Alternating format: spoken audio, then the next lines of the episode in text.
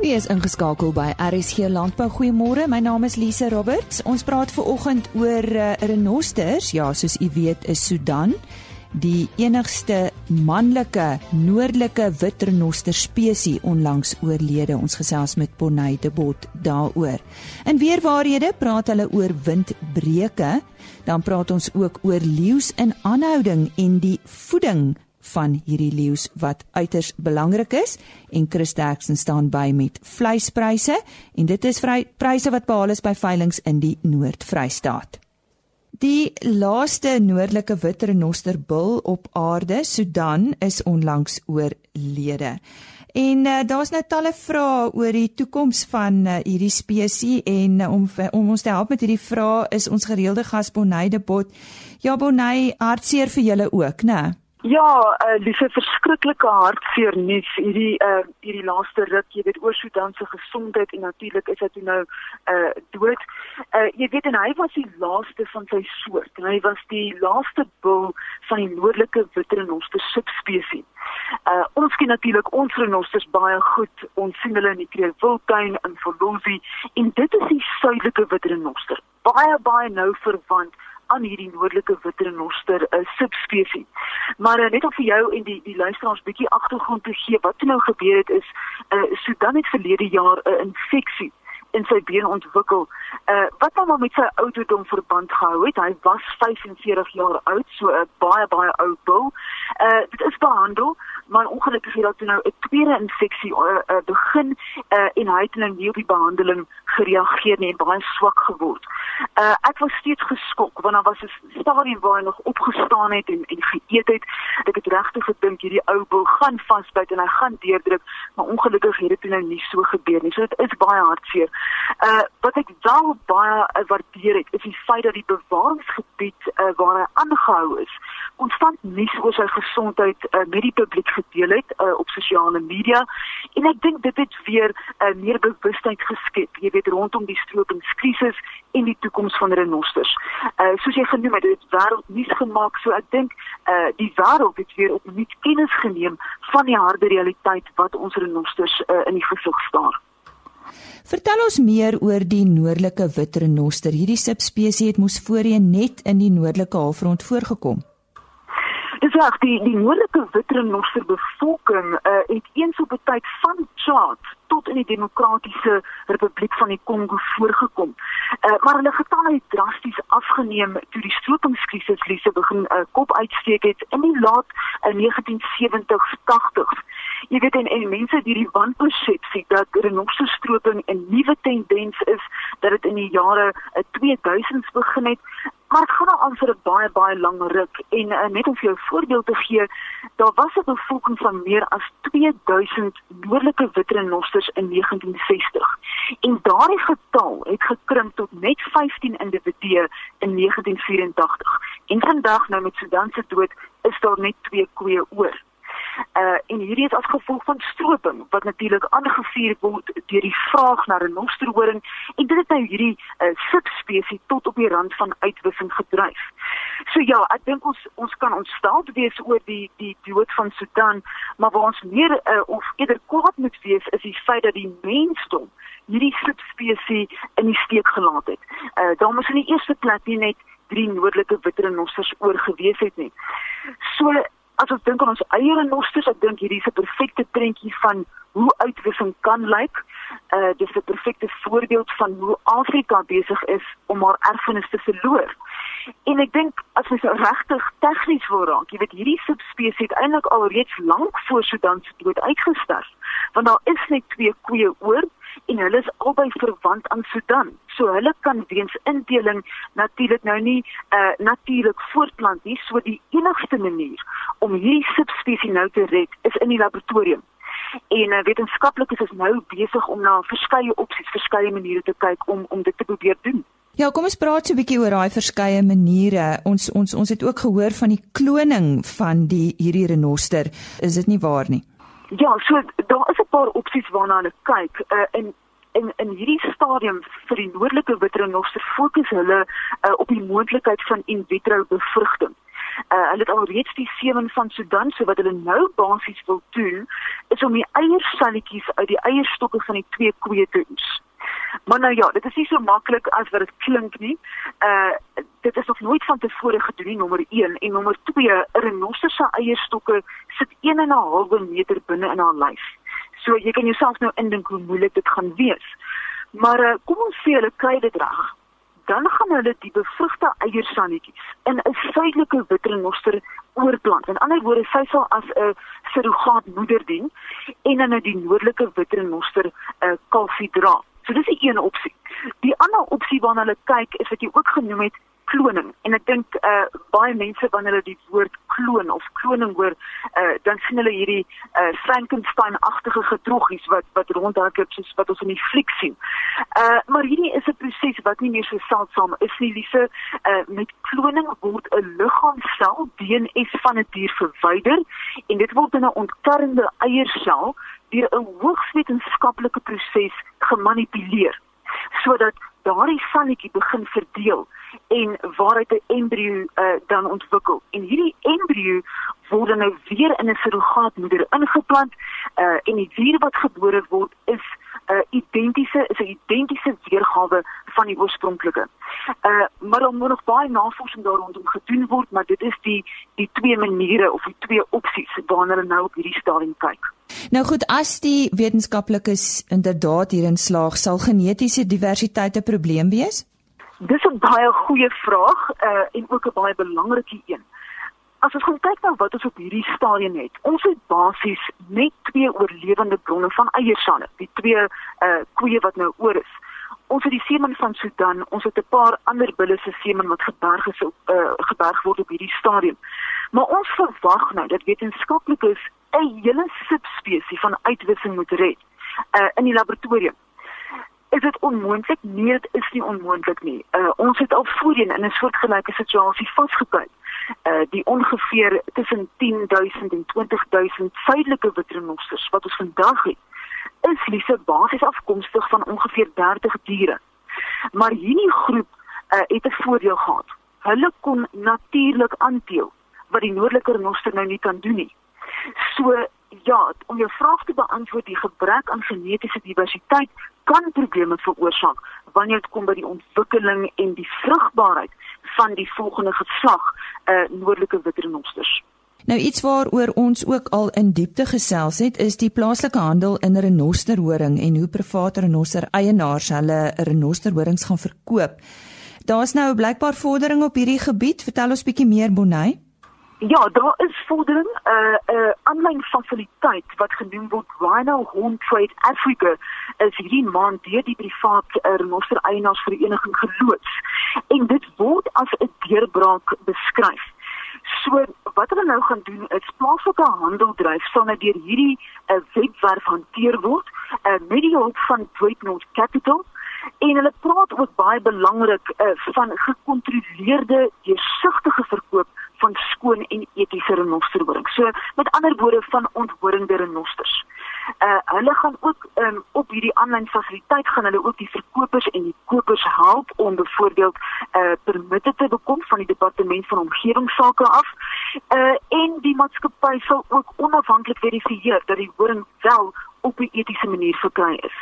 En daarom werk hulle baie nou saam met die uh, genetiese laboratorium by onderste poort om seker te maak uh, dat die horing eties is en ook deel vorm van die renoster DNS indeksstelsel want dit is baie belangrik.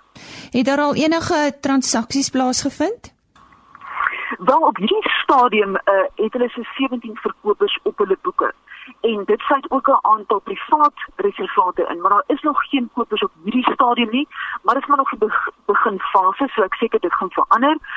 Uh enige iemand kan op hulle webwerf gaan kyk, maar daar is natuurlik 'n beperkte afdeling uh wat byvoorbeeld nou besonderhede het van 3 lotte wat tans te koop aangebied word. Die eerste een bestaan uit 2 horings en die ander 2 uit 6 elk. Maar ek wil ook net beklemtoon dat slegs gekwalifiseerde kopers en verkopers wel aan die aanlyn verkoopsproses kan deelneem. Uh en net hulle gaan ook die horings kan besigtig en dan ook die besonderhede uh oor die kooptransaksies kan sien. So dit is nie koop vir die publiek nie. Ek weet jy het met Pelham Jones, hy is die voorsitter van die private renoster eienaarsvereniging gepraat, maar hoe voel produsente oor hierdie inisiatief? Kyk die die besluit om hierdie aanlyn fasiliteite te begin uh Lise is verlede jaar tydens Proua se jaarlikse vergadering geneem uh en die lede het eenparig gestem vir ja kom ons vorm so 'n fasiliteit. En dit beteken nou dat die horings op een plek gaan wees. Dit gaan daar bestuur word dit gaan daar geaudit word en dit is 'n goeie ding. Maar daar is natuurlik steeds vrae rondom plaaslike handeldryf in 'n renosterhoring. Is daar werklik 'n mark vir renosterhorings binne die grense van Suid-Afrika. Uh soos jy weet, internasionale handel dryf in renosterhoring is onwettig sedert 1977. So dit kan natuurlik net binne Suid-Afrika gebeur. Dan jy sal ook onthou uh verlede jaar die aanlyn veilinge wat uh deur 'n Nosterboer John Hume gehou is, was daar werklik belangstelling. Ons kan op hierdie stadium sê daar was wel net 'n 'n paar permitte uitgereik. So hierdie is nog vrae uh waarna ons moet kyk, maar ek dink op hierdie stadium is die is die belangrikste ding om te doen is ons moet nou monitor tot in watter mate plaaslike handeldryf 'n impak op stroping het en gaan hê, positief of negatief. En dit was aan Bonide Bot wat soos altyd gesels oor renosters en vir ons die nuutste nuus oor die renoster sake deurgee. Dis nou tyd vir weer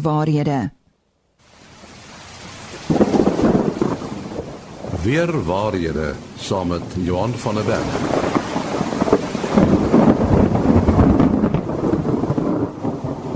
Ons praat uh, gewoonlik op donderdag in weer waarhede met Johan van der Berg van Santam Landbou. En ons is nog steeds besig met klimaatslim wenke. Johan? Ja, vandag moet ons 'n bietjie kyk na wind en windbreuke, hoe om die effek van wind te verminder en dit is baie keer goed om tydens die beplanning wanneer daar boorde aangeplant word of uh, so iets uh, beplan word reeds dit in ag te neem. Nou as 'n mens gaan kyk, mens kan of soliede versperrings oprig of versperrings wat minder solied is soos bome en die tipe goed. So mure of soliede versperrings is nie altyd baie effektief nie. Dit verminder nie werklik die spoed van die wind nie, maar dit verander net die vertikale patroon. So die wind gaan bo oor 'n versperring en veroorsaak dan dat skade aan die agterkant van die versperring voorkom. Daarom nie reg teenoor die versperring nie, maar 'n entjie verder. En dit kan uh, ook veroorsaak dat die versperring breek of omwaai. So uh, soliede windbreuke is nie altyd die antwoord nie. So hoe moet 'n ideale windbreek struktuur lyk? Dit moet eerstens moet dit die spoed van die wind kan verminder. Uh, nou as 'n mens gaan kyk uh, na die na die fisika van hierdie uh so wind af van hierdie windbreek uh is die is die effek van 'n windbreek omtrent 30 keer die hoogte uh waar dit dan die windspoed verminder. So as 'n windbreek 3 meter hoog is aan die afkant tot so omtrent 90 meter verder, het dit uh of, of vertraag dit tog die spoed van die wind. Maar na hierdie uh, tyd of na hierdie afstand uh, kan dit selfs die windspoed verhoog en groter skade maak. Dan is ook die ander belangrike ding is die lengte van die windbreek. Uh so die hoek waar teen die wind uh, die breek tref is ook belangrik. So dit is nie altyd mense probeer altyd laat hy loodreg teenoor die wind uh se rigting kom, maar soos ons weet, laat die wind hom nie altyd uh lei in altyd in dieselfde rigting waai nie. So dit maak dit ook moeilik want as 'n mens nie dit teen die regte hoek die windbreek opsit nie, dan is dit ook nie effektief nie. Ehm um, die deurlaatbaarheid uh, ook baie belangrik. Ons het reeds gesê hy moet poros wees vir die porositeit. So hy moet hy moet gate in hierdie windbreek hê. Want dit is enigste hoe die windspoed regtig waar uh, verminder kan word.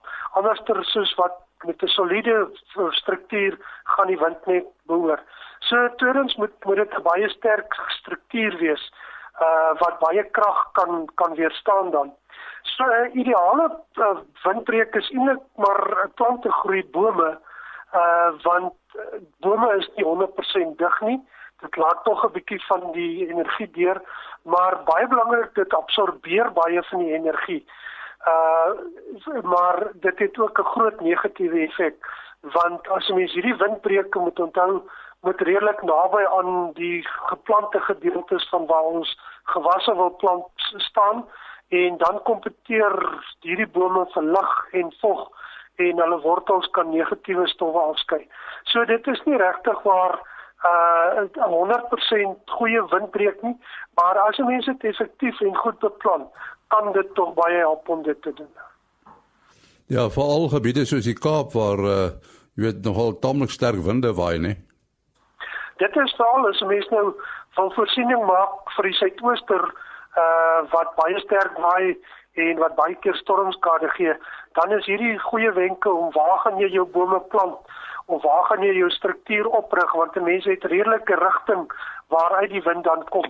Maar uh dit is dis fyn beplanning en dit kort baie goeie insig om regtig waar 'n windbreek effektief te bou uh, of daar te stel want anders kan 'n mens groter skade laat veroorsaak uh, as wat die windbreek nie daar was nie. Daar sê Johan van der Berg van Santam Landbou en weer waarhede. Dankie nie.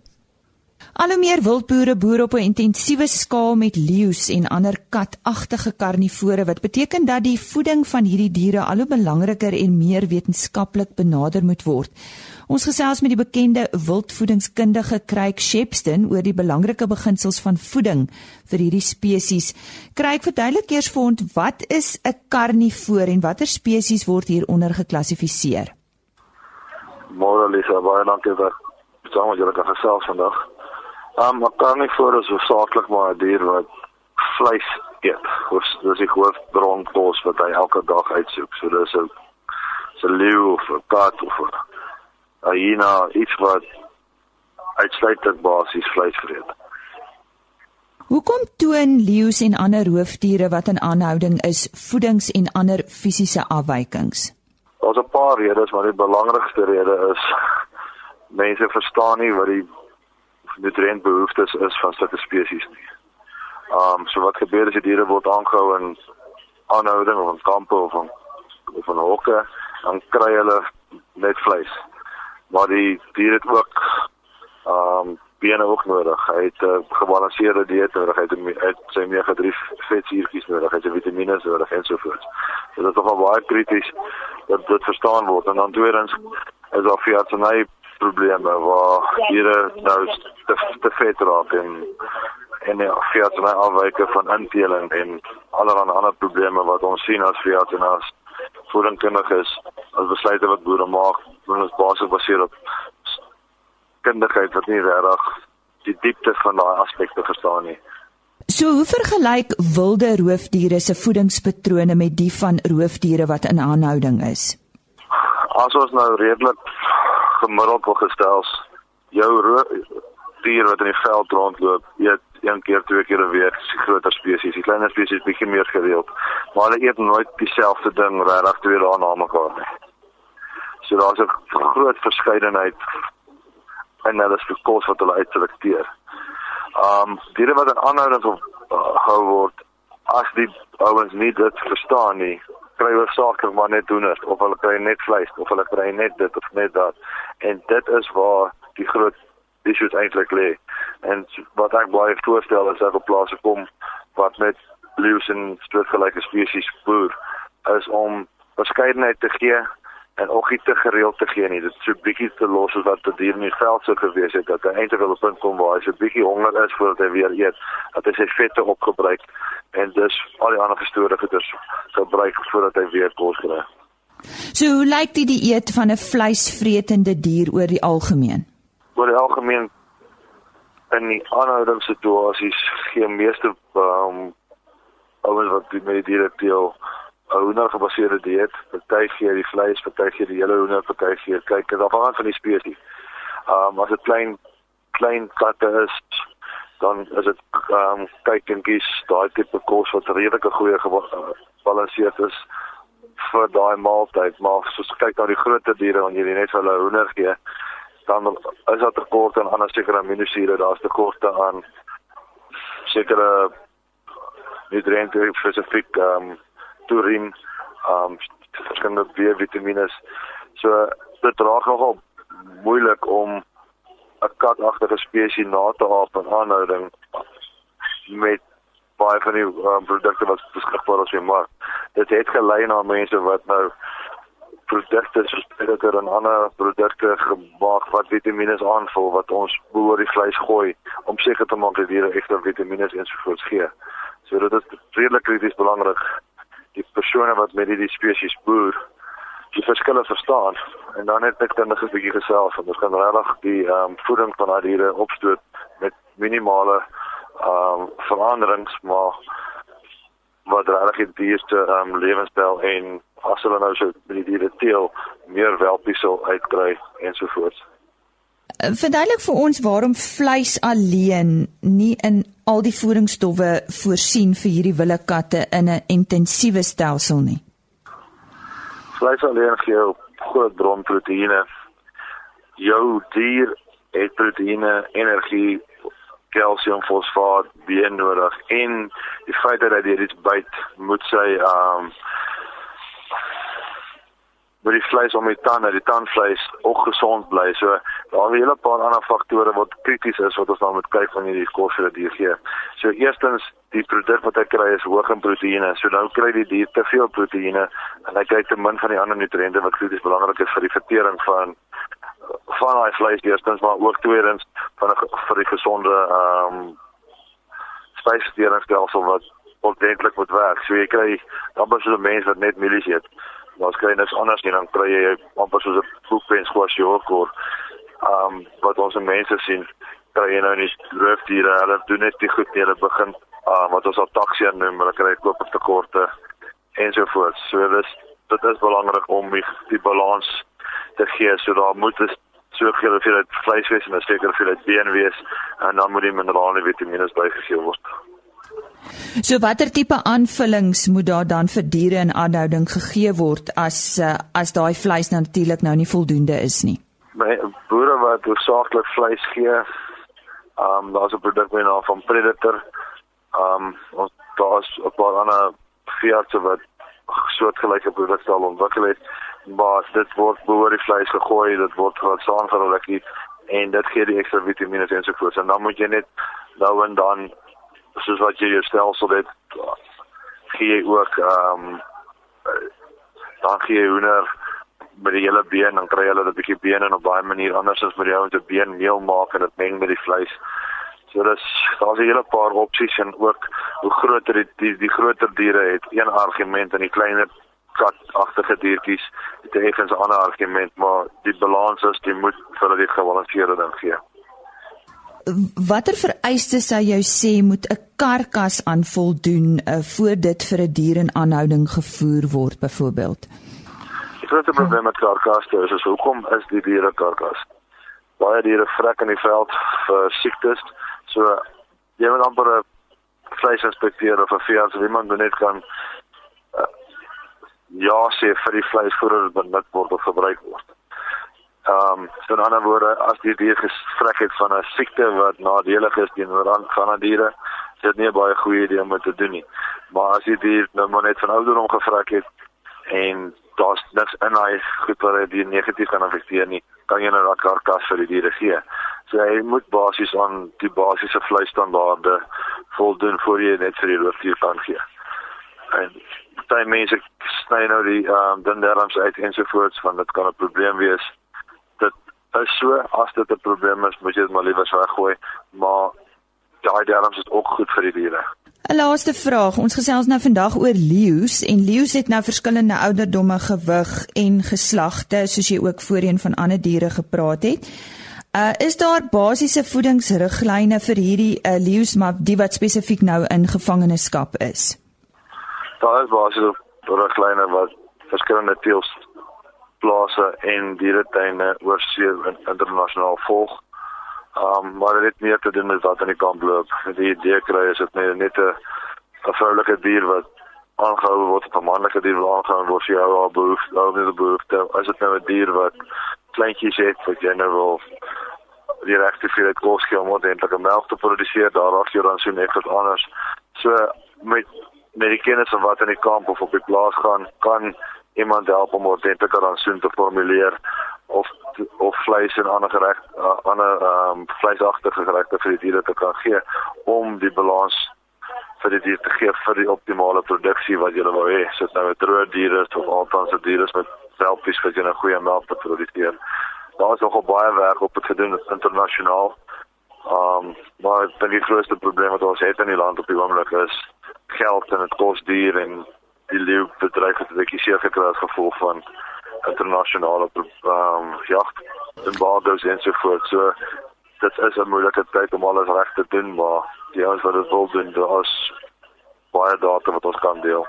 Nou ja, daai bietjie hoop sê ons baie dankie aan ons uh, wildvoedingskundige Kryk Shepston wat ons gesels het oor die belangrike beginsels van voeding as dit kom by leeu's en ander katagtige karnivore. Dis nou tyd vir ons weeklikse vleispryse en dit is pryse wat behaal is by veilinge in die Noord-Vrystaat. Die datum van hierdie veilinge was 3 April en aan die woord Chris Derksen. Ek gee graag vir julle die pryse van die 3 April. Dis belangrik dat die pryse taamlik stabiliseer het en dit lyk vir my of hulle op 'n nuwe plateau is. Speenkalvers onder 200 kg het gegaan vir R36.11 van 200 tot 250 kg R35.01 en oor 250 kg R32.31. A klasse R25.63, B klasse R22.22 en C klasse vetkoeie R21.63 per kilogram. En maarkoeie het gewissel van R18.20 na R19.25 per kilogram lewendig slagbulle R23.13. Dan vanaf die skaapmark stoor lammers R37.69, slaglam R32.94, maaroeie R25.72 en vetoeie R26.15 per kilogram. En vanaf die boerbokmark lammers R37.49 en mooi oeye R27.22 per kilogram. En dan as ons van enige verdere hulp kan wees, skakel maar enige tyd na 08280 75961. Baie dankie. Dankie Chris en vir 'n verdere kyk na die vleispryse, besoek gerus www.vleisprys.co.za. Ons sê dis uh, fluit fluit. Ons storie is uit vir hierdie week. Maandagooggend om 05:30 is ons weer agter die mikrofoon met nog RSG landbou sake en nuus Mag dit met u net goed gaan. Totsiens.